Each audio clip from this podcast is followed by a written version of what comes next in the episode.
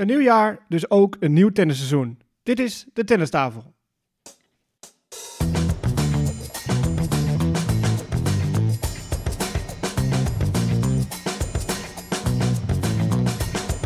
Please take your seats quickly, ladies and gentlemen. Thank you.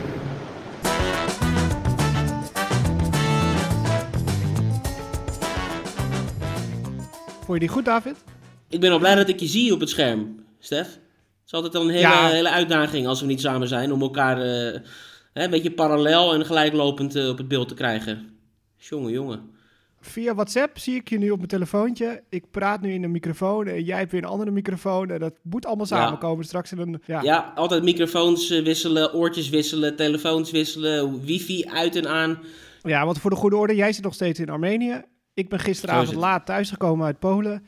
Ik heb mijn jas aan. Ik zit op kantoor, want de verwarming stond uit. Het was 10 graden hier. ja, een weekje weg, dus de verwarming uit. Maar die was ik vergeten aan te zetten gisteravond op kantoor. Dus ik zit hier in de 10 graden te bibberen. Maar goed, Nou, gelukkig nieuwjaar, Stef. Ook eh, ja, on air.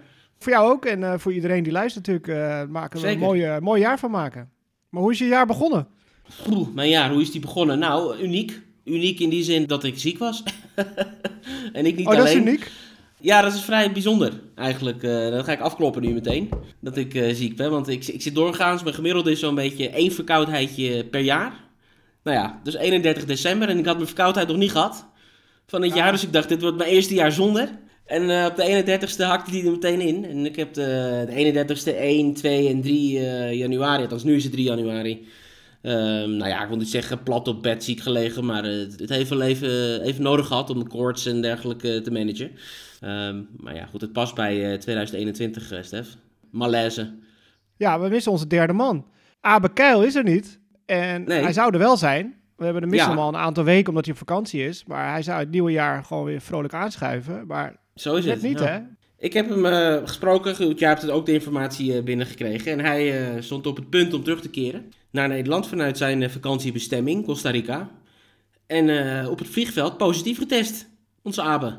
Dus die is toen gewoon ja, huiswaarts gekeerd. Althans, hij moest weer een hotel opzoeken om in quarantaine te gaan voor een dag of tien. Maar ja, hij had dus eigenlijk hier al in Nederland moeten zijn. Maar die zit gewoon weer aan het strand. Ja, ik begreep wel dat hij zijn eigen hotel mocht uitkiezen. En dan heeft hij natuurlijk Ja. strategisch gekozen aan het strand. Oh, oh, oh. Zolang hij zich goed voelt, zal hij, eh, zal hij het niet erg vinden. Ja, als die corona er niet in had. Hij voelt zich niet heel ziek, eh, heb ik begrepen. Dus dat is fijn voor hem. Maar goed, eh, vakantie tien dagen verlengen klinkt natuurlijk heel aantrekkelijk. Maar ja, als je in quarantaine moet, is dat natuurlijk wat minder. Jij was er ook niet, rond de jaarwisseling. Nee, ik was in, eh, bij de schoonfamilie in Polen. Ja, corona lijkt daar bijna niet te bestaan. Het is echt bizar. Alle restaurants zijn open. Er mogen wel min- minder mensen naar binnen. En het opvallende is dat eh, van al die mensen die naar binnen mogen, eh, maximaal 30% ongevaccineerd. Denk daar maar eens over na. Ja. Oh, ja. hoe ga je dat controleren? Want ze mogen het wel vragen, maar je hoeft geen antwoord te geven. Dus ja, dat is natuurlijk ook een schijnregel. En eh, nou ja, wij als buitenlanders zeg maar continu een mondmasker op. Maar Poolse mensen er niet hoor. Nee, geen probleem. Nee. Dat was wel weer even apart. En ik moet ook wel zeggen, je went ook wel weer aan het afstand houden. En als ze dat niet doen, dan komen ze toch een beetje te dichtbij je in je aura, zeg maar. Dus dat ben je ook wel als Nederlander aan gewend. Dus, Ja. eh, nou ja, wij hebben het allemaal goed doorstaan. En oud en nieuw was, eh, was hartstikke leuk met de schoonouders. We hebben ze verrast. Alleen de Ja. terugweg was nog even pittig. Nee, maar wacht even. Eh, Voor de terugweg komen we zo op. Je had nog tennis, toch, daar? Oh ja, zeker. Ja, twee keer. Ja, kom even. Ja, dat is En, hoogtepunt. eh, Daar zat ik op te wachten. Ja, daar, daar wilde ik ook heel graag heen. Dat was, een, eh, was eh, in Zawada, als ik het goed uitspreek. Zal wel niet. Mooie tennishal. En daar werd vroeger een ITF-toernooi georganiseerd. 25.000. Een aantal jaren geleden is dat gestopt. Maar een aantal mooie deelnemers stonden daar. Er hangt een hele galerij. Ik zag Angelique Kerber erop staan. Karolina Pliskova, Mladenovic, Martin Sova. Maar ook Aranska Rus. Kiki Bertens, een hele jongen. Zag ik daar op Ja. de foto staan. Al Hogekamp. Had ik nog gepost op Insta. Dus daar heb ik getennist. Nou, echt op een bloedsnel baantje. Jij zou het geweldig gevonden hebben. Maar met, Ja. ja, met vlekken in het tapijt. Het zag er allemaal niet uit. Maar voor Poolse begrippen behoorlijk duur om daar een, eh, een baantje te huren. Ongeveer 20 Oké. euro per uur. Dat is echt flink aan de prijs voor de, voor de Poolse mensen. Dus dat was één. Het tweede was, ging ik dan naar een minder chique club. Was zeg maar echt een tennisclubje van Opolen, waar ik zat. Heel vervallen centenkortje, een blaashal. Maar die ondergrond was eigenlijk veel, veel fijner om te spelen. En daar Ja. stond ook een trainer les te geven. Nou, die kon zelf niet eens een backhand slaan. Dat is heel apart. Dus, eh, lagen drie baantjes en eh, allemaal bezet. Dus daar hebben we ook nog heerlijk getennist. Dus mocht het eh, mislukken met onze podcast, dan zoeken ze nog tennistrainers in Polen. Nou, wij kunnen daar zo aan de slag, denk ik. En, en Ja? misschien ook wel met links. Ja, dat zeggen we wel, maar ze hebben daar wel betere spelers dan wij hier in Nederland hebben, Stef. Nee, absoluut. Want ik, daar heb ik ook nog wat eh, in de familie aan gevraagd. Van, nou, Hubi Hoerkac, hoe populair is hij eigenlijk bij jullie? Nou, echt niet. Hij verschijnt nooit in reclames of in talkshows. Eh, ze hebben helemaal niet zoveel met hem. Dan hebben ze meer met, eh nou, natuurlijk. Maar Ja, tuurlijk. Agnieszka Radwanska is nog steeds de, ja, de, de heldin, zeg maar. En, eh Ja. en Angelique Kerber is daar ook populair. Ja, die heeft ook Poolse roots natuurlijk, dus ehm makes sense. En die heeft van het stel dat je noemt de meeste prijzen gewonnen, dus die claimen ze dan misschien een beetje... eh, voormalig nummer 1 met al die Grand Slams, dus die, eh, die snap Ja. ik wel. Tennis is, eh, het is echt wel populair daar om te volgen. Al is volleybal geloof ik de best bekeken sport. En dan voetbal en dan tennis en zo. Ja. Heb je Jerzy nog gevonden ergens toevallig? Of, nee, inderdaad. Nee, inderdaad, ja. Dat zou een mooie zoektocht geweest zijn. verder nog? Of de terugweg, wat je zei? Het werd, een, eh, werd uiteindelijk een heel duur eh, tripje. We waren met de auto en eh, zondagochtend 9 uur, we rijden weg, zonnetje schijnt, niemand op de weg, heerlijk, asfaltweggetje. Nou ja, Drive to Survive. ja, Ja. precies. Ja. We hebben nog 1100 kilometer te gaan, dus ik dacht, nou ja, gas op die lolly. En ja hoor, politie. Ja, ja. Aan Gelukkig de nieuwjaar. kant. Oh, die waren zo blij om zo'n Nederlandse auto aan de kant te zetten. En mijn vrouw die spreekt natuurlijk vloeiend Pools. Die zat naast me. Die zegt van, eh, ik zeg helemaal niks. Zoek het maar uit. Doe maar alsof je een hele domme toerist bent. Ik zei, nou ja, dat moet lukken. dus ik eh, heel enthousiast. eh, ja, ik kan wel een paar woordjes Pools, maar ik denk, doe het niet. Doe gewoon in het eh, gebrekkig Engels. Nou ja, het was toch wel een autoritaire politiemacht. dus ik reed eh, 85, waar je 50 mocht. Dus ik heel verbaasd nog doen. Oh, nou ja, eh, dit en dat. Nou hoor, mee naar het busje. Dus, oh jee, ik zie erbij al hangen natuurlijk. Oh jee. Rijbewijs was in orde, maar ik had geen kentekenbewijs van de auto en, eh, en dat soort dingen mee. Dat was een beetje dom. Oh. En in Polen maken ze vaak het grapje van als je zegt ik ga naar Polen, zegt ze, oh je auto is er al. Dus ik moest daar wel een beetje, een beetje, een beetje ja, voorzichtig zijn wat ik allemaal ging zeggen. Dus ik in het busje zitten en al werd helemaal ondervraagd. En eh, ja, dat is eh 800 slotti. Want ik reed 35 kilometer te hard. Dat is ongeveer 200 euro. Ja, ja, ja, ja, ik zeg ja. Dus ik laat nog een beetje zo met cash zien, weet je. En ik, ja, misschien hapt hij. Nee, dat ging niet lukken. Dat moest met creditcard. En eh, hij ging vragen, hoe heet die ouders? En eh, ik ja, moet je nou weten hoe mijn ouders heten? Ja, moet dit en dat. Nou, prima. Dus ik met creditcard betaald. Maar die kneus, die, eh, die doet 300 slotti eh invullen. Ik zeg niks. Ik happatee, creditcardje erlangs. Bonnetje mee. Dus ik ren naar mijn auto, zo snel mogelijk weg. Werd ik weer aangehouden. Meen je? Sorry, je hebt te weinig betaald. Het moest natuurlijk Oh, 800 oh. zijn. Maar ik zeg, ah, ik maak een fout. Jij hebt een fout gemaakt, hè? Laten we het samen kiet. nou, daar ging hij ook ja, niet in mee. ja, nee, nee. Toen werd het een beetje tricky. Toen werd hij echt zagrijnig. Hij zei, ja, je moet nog 500 slotti erbij eh, betalen. Ik zeg, ja, ik ga niet twee keer betalen. Ik zeg, ik ga niet twee boetes betalen. Ik speel een beetje de domme. Maar, eh, nou ja, uiteindelijk eh, ging ik het niet van hem winnen. Dus heb ik 800 slotties afgerekend. En heel voorzichtig naar huis gereden. En het bloedzagrijnig. Oh, oh. Ja. Ja, nieuwjaar, eerste boete binnen. Ja, nou ja, als ik het één per jaar hou, zoals jij met je ziekte, dan, dan heb ik hem maar vast gehad. Ja. Nou, we zijn in ieder geval in staat om deze podcast nu op te nemen. Jij veilig thuis, ik, eh, ik nog hier. Tennis. Nou, we zijn begonnen. Het hele contingent, eh, nou ja, het hele. We missen natuurlijk heel veel mensen, maar het Nederlandse contingent is daar Ja. naartoe. Hè? Alle challengers, de ATP, WTA, eh, we vinden overal Nederlandse Ja. namen. Dat is natuurlijk hartstikke fijn om te zien. 1 januari, soms zelfs op 31 december begint het nieuwe seizoen al. Meteen, eh, bam, je zit er 100% in. We hebben nu eh, de ontelbaar veel toernooien tegelijkertijd die gaande zijn. Van ATP Cup tot, eh, tot drie toernooien in Melbourne, tot twee in Adelaide. En alles barst meteen los en meteen ook met de grootste namen. Althans, de grote namen die mee kunnen doen omdat ze gezond zijn, gevaccineerd zijn en daar aanwezig zijn om, om te spelen. En om zich klaar te maken voor de Australian Open, dat ook over twee weken al begint. Het is nooit even, even lekker rustig inkomen, hè? Nee, dat is echt volle bak. En ik zag al een heel speelschema dat Nadal misschien wel op baan 13 moet spelen straks in een dubbel. Ja, dat is een van die toernooien in Melbourne, hè, waar Nadal speelt. Eh, en Murray speelt. En ook onze Nederlandse jongens, eh Botik eh, en Tellen, die zitten in datzelfde schema.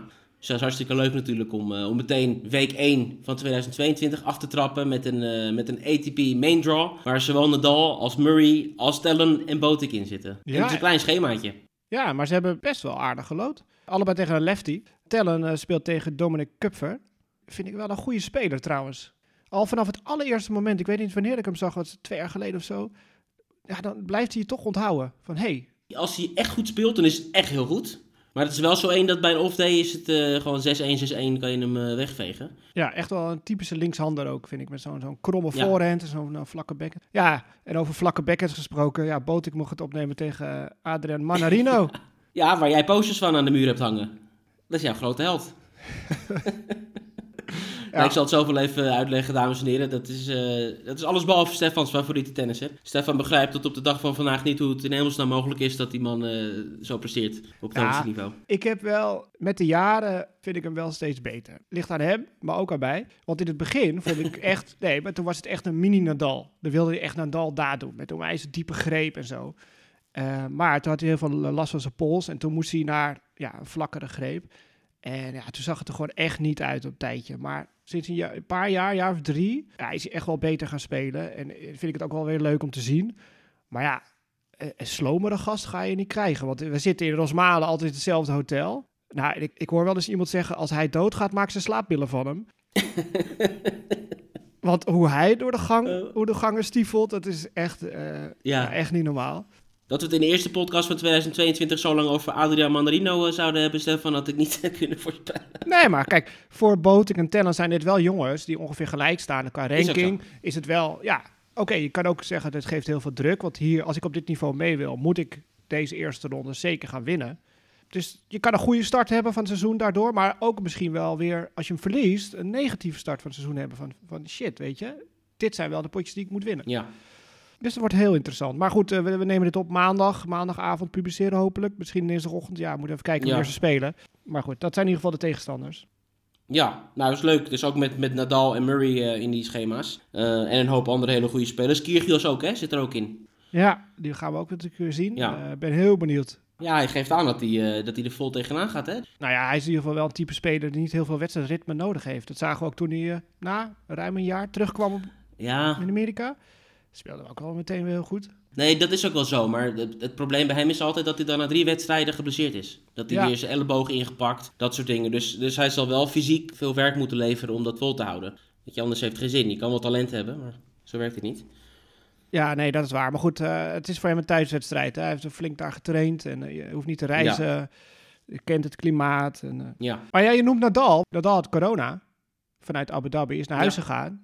En volgens mij was het redelijk een verrassing toen ik opeens een fotootje zag dat hij eh, het stadion in Melbourne stond. Van, eh, hier ben ik, tada!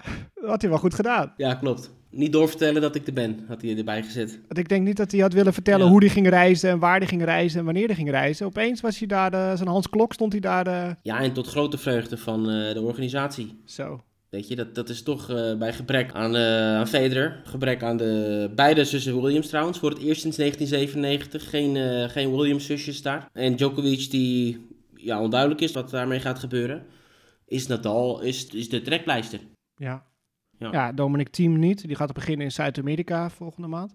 Ja, Maar ik begreep wel dat Djokovic had wel die medische aanvraag gedaan. Dat hij daardoor wel Australië in mocht. Maar het is afgewezen. Er is heel veel eh, bericht, ook vanuit Servië en ook internationaal, en heel veel klopt ook niet. Wat Craig Tiley gewoon zegt, de, de toernooidirecteur van eh, Australië. Hij heeft het laatste wat ik van hem heb gezien, is dat hij het ook nog niet weet. Hij zegt er is nog wel enige tijd. Hij zegt wel dat van die medische specificatie, er zijn spelers die hebben dat gekregen, zo'n eh, uitzondering. Of hij ertussen zit, dat weet ik niet. Maar Djokovic is nog niet in Australië. Ja. Wat we wel weten is dat hij op zijn, eh, een van zijn vaste trainingsbasis in eh, Marbella in Spanje op een blauwe hardcourtbaan aan het trainen is geslagen met Australian Open ballen. Dus de intentie is duidelijk. Maar het, blijft toch een beetje een sneu verhaal en een slechte PR voor zichzelf. En ik weet niet voor wie dit slechter is. Volgens mij is het slechter voor hem dan voor het toernooi. Want het toernooi gaat het zonder hem ook wel redden. Wat natuurlijk enerzijds wel bizar is als negenvoudig kampioen en als nummer 1 van de wereld en mogelijk beste speler aller tijden. Dat, dat het niet eens zo desastreus zal zijn als hij er niet is. Het is toch gewoon lelijk. Ja? Nou ja, hij, gaat, hij wordt straks ook doodgegooid met vragen. eh, hoe, wat, waarom. als hij daar is. Dus hoe, hoe later hij aankomt, hoe dichter op het toernooi, ja, hoe meer ruis hij heeft. Dus je zou kunnen zeggen, ga er lekker vroeg heen. Dan heb je al het gezeik achter de rug, binnen een paar dagen. En dan kan je gewoon voorbereiden op de Australian Open en eh, voor de tiende keer gaan winnen. Maar ja, kijk, Eh, New York heeft natuurlijk ook nu een eh, vaccinatieplicht, volgens mij, voor mensen die daar willen verblijven. Dus de US Open komt in de gevaar. Het UK Ja. heeft het, dus Wimbledon komt in gevaar. Dus het enige wat hij dan zou kunnen spelen is Roland Garros. Of hij heeft wat meer tijd nodig om die medische uitzondering eh, rond te krijgen. Wonderlijk, wonderlijke situatie. Ja, want als hij naar Australië wil, dan moet hij nu al gevaccineerd zijn. Twee keer. Dus Of dus die medische uitzondering hebben. ja, precies. Want anders is er te weinig tijd voor. Het is een rare wereld en ik snap hem ook wel weer. Als je, als je echt heilig overtuigd bent, ik doe dat niet, ik wil dat niet, dat je er alles aan doet. Nou, maar zeg het dan gewoon, joh. Ja, ja je, kijk, je gezondheid is belangrijker dan eh, alle titels bij elkaar natuurlijk. En als hij het slecht vindt voor zijn gezondheid en dat belangrijker vindt, nou moeten we dat respecteren. Hè? Nou, dan, gaan- ja, dan ben je er niet. Maar inderdaad, show eh, Ja. must go on. En er zijn nog 256 eh, spelers die daar knokken voor de titel. Weet je, en als zo'n Raducano de US Open wint, die krijgt veel meer aandacht en veel meer exposure dan als Djokovic daar. Nou ja, het was wel een recordwinnende titel, maar weet je, er staan nieuwe mensen op. Nou ja, goed. eh, Djokovic is dus niet in Australië. Wel in Australië is de ATP Cup. Dat is eigenlijk het enige toernooi dat echt al een paar dagen gaande is. Hè? Want eh, die ATP eh, normale toernooitjes, die in, in Melbourne en in Adelaide en zo, dat begint echt vandaag. Of morgen in sommige gevallen. Eh, maar de ATP Cup, een herkauwing van de Davis Cup eind vorig jaar, nu hier aan het begin in Australië, is, is al gaande. Heb je wat meegekregen? Heb je wat gezien? Wat is je opgevallen? het valt wel weer op dat je wel weer namen ziet die je nog nooit van hebt gehoord uiteindelijk. Hè? Als je Georgië neemt of Griekenland of ja, weet je, er zit dan zo weinig achter de topspeler. Eh, ja, Spanje doet het goed. Medvedev verliest, maar Rusland wint wel. Ja, Weet je, dat ja. bijzonder hè was dat. Ja, want Rusland, wat vorig jaar won, hè, dat was ook gehavend. Geen Rublev, geen Khachanov, geen Karatsev. Dat, dat hele winnende team bestaat nu uit eh, Medvedev en een aantal challenger-spelers. Eh, waaronder die Safiullin, dat is best wel een goede speler is. Dat zal jij misschien ook wel beter weten, omdat jij de Challenger Tour wat, Mhm. wat sterker in de gaten houdt dan ik. Dus Medvedev verliest van Humbert van Frankrijk. Zijn single in eh, drie uur. En dan denk je, ja, Frankrijk heeft de buit binnen, want eh, het, het grote probleem is overkomen. Medvedev is geslagen. Ja. En dan komt die Safiullin en die wint dan zijn single van eh Rinderknecht. Ja. Dus dat geeft ook aan trouwens hoe dat Franse team eruit ziet tegenwoordig.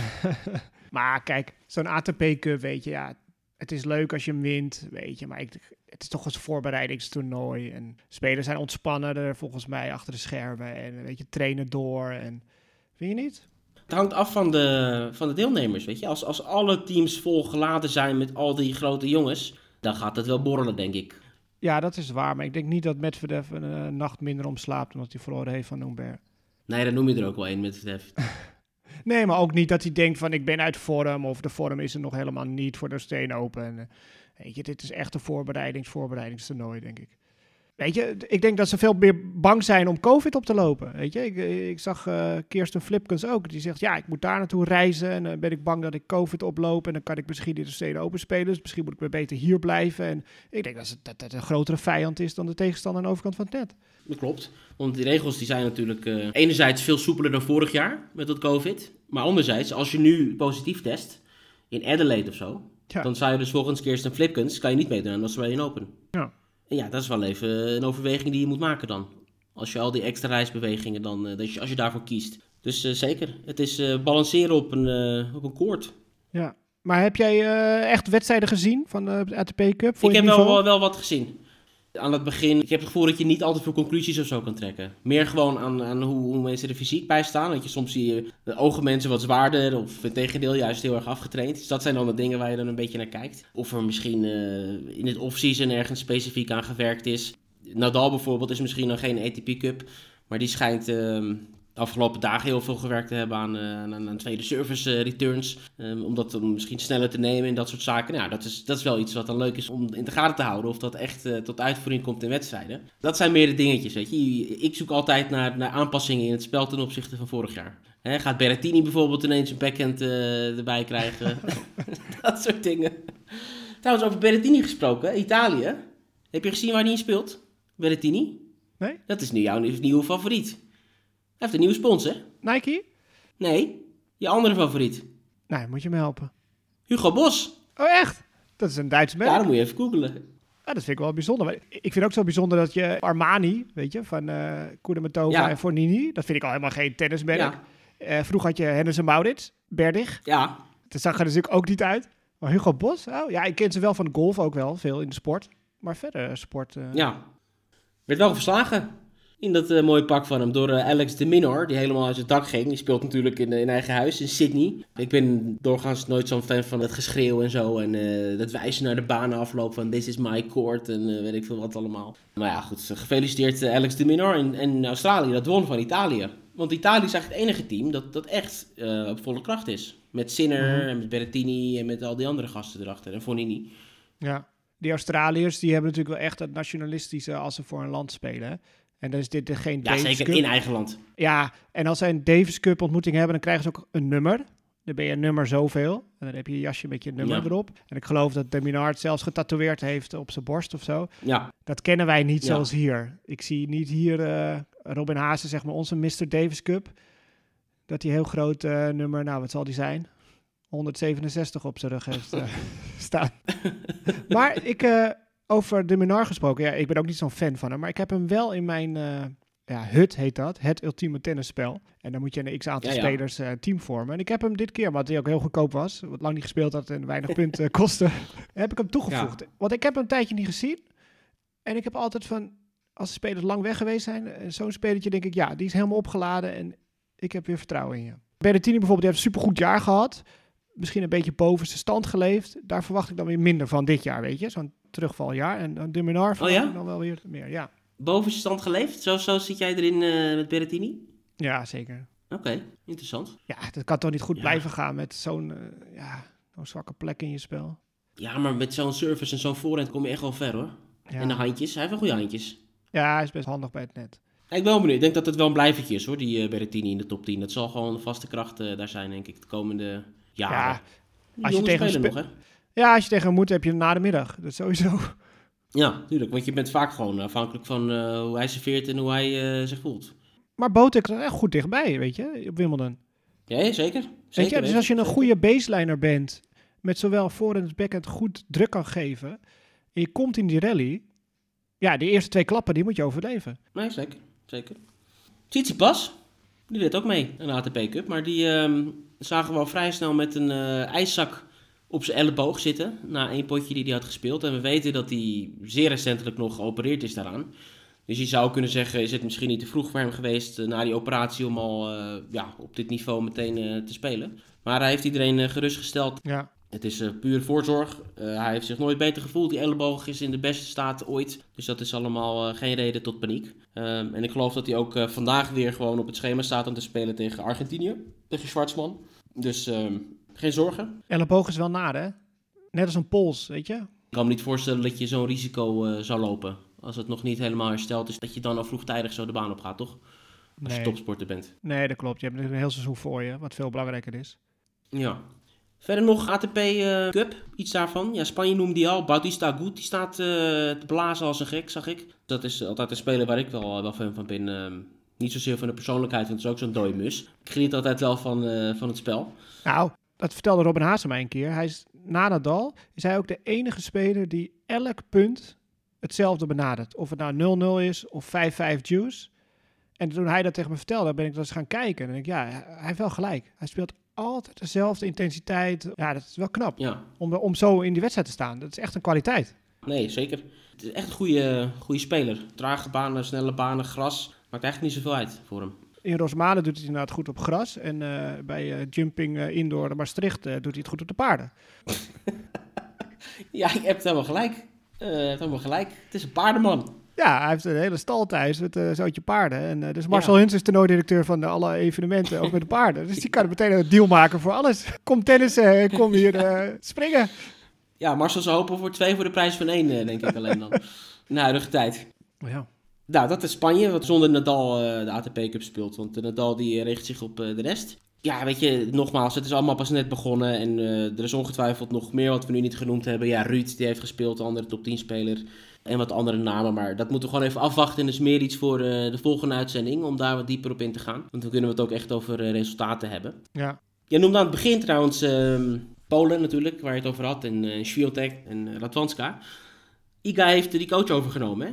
Trouwens, die coach die Radwanska eigenlijk het hele leven bij heeft gestaan. ja, ik had zijn naam ergens opgeschreven, maar ik, ik heb het nu niet. Dat is een moeilijke naam. Witkorowski. Ja, Ja, ja, want ik zat in de auto en uh, toen kwam hij zelfs helemaal op het nieuws. Dus ik vraag aan uh, Gosja, mijn vrouw, van ja, wat, wordt, ik hoor Swantek, wat wordt er gezegd, weet je? Ja, dus die overname van, de, van die coach. En dus dat is meteen groot nieuws. Nou, dat hoor ik graag. Tennis leeft. Ja, ja daar zeker, ja. Want ook de nummer twee, ja. uh, Camille Machak. Ja, ik heb het honderd keer geoefend, maar ik kreeg steeds op mijn kop daarin. maar ja. die is populairder, die staat buiten de top 100 dan Hurkacz trouwens. Dus dat zegt ook al iets over Want? Hobie. Heeft het iets met looks te maken of uh, hoe zit dat? Nee, gewoon persoonlijkheid. Oh. Daar moet uh, Hoepie nog een beetje aan werken. Ja. oh, oh. We vergeten ongetwijfeld, uh, zoals altijd, wel een en ander. Maar, nou ja, het zijn spannende tijden voor het ABN AMRO-toernooi. Ik zag op Twitter al geruchten voorbij komen. Althans, iemand zei het heel stellig. Dat moeten we nog even verder uitzoeken. Dat het achter gesloten deuren gehouden gaat worden voor het tweede jaar op rij. Maar ja, dat ziet het er wel naar uit. Ik bedoel, ik kan me niet voorstellen ja, dat we daar met duizenden mensen samen gaan. Ik bedoel, ik heb ook kaartjes voor Vrienden van Amstel. Dat zit altijd voor de AMRO toernooi in Ahoy. Dat uh, is natuurlijk al uh, kansloos. Ja. Ik denk dat al die evenementen indoor, dat het allemaal uh, zonder publiek moet. We hebben een nieuwe ministersploeg, hè? dus wie weet dat we nog iets krijgen. Een verrassing. Nou ja, we, kijk, we zijn natuurlijk wel het enige land in lockdown. Ja, goed, we hebben het gezien. Ook hier, ik zit hier in Armenië en uh, ik volg het nieuws hier ook. En ik kan je vertellen dat al die beelden van uh, Amsterdam en zo ook, dat, uh, dat is hier gewoon top drie nieuwsitems. Ja. Gaat wel de wereld over. Nee, absoluut. Nederland staat er wat dat betreft niet goed op.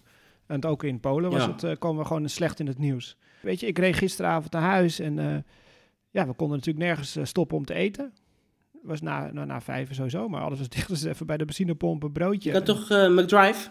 Ja, daar stond een file, inderdaad. Daar stond wel een behoorlijke file. Uh, ja. Maar in Duitsland geen controle, niks. Je kan gewoon uh, overal naar binnen. Wel mondmasker netjes, afstand. Ja, die Duitsers houden natuurlijk wel van uh. Dus dat is allemaal gewoon netjes geregeld.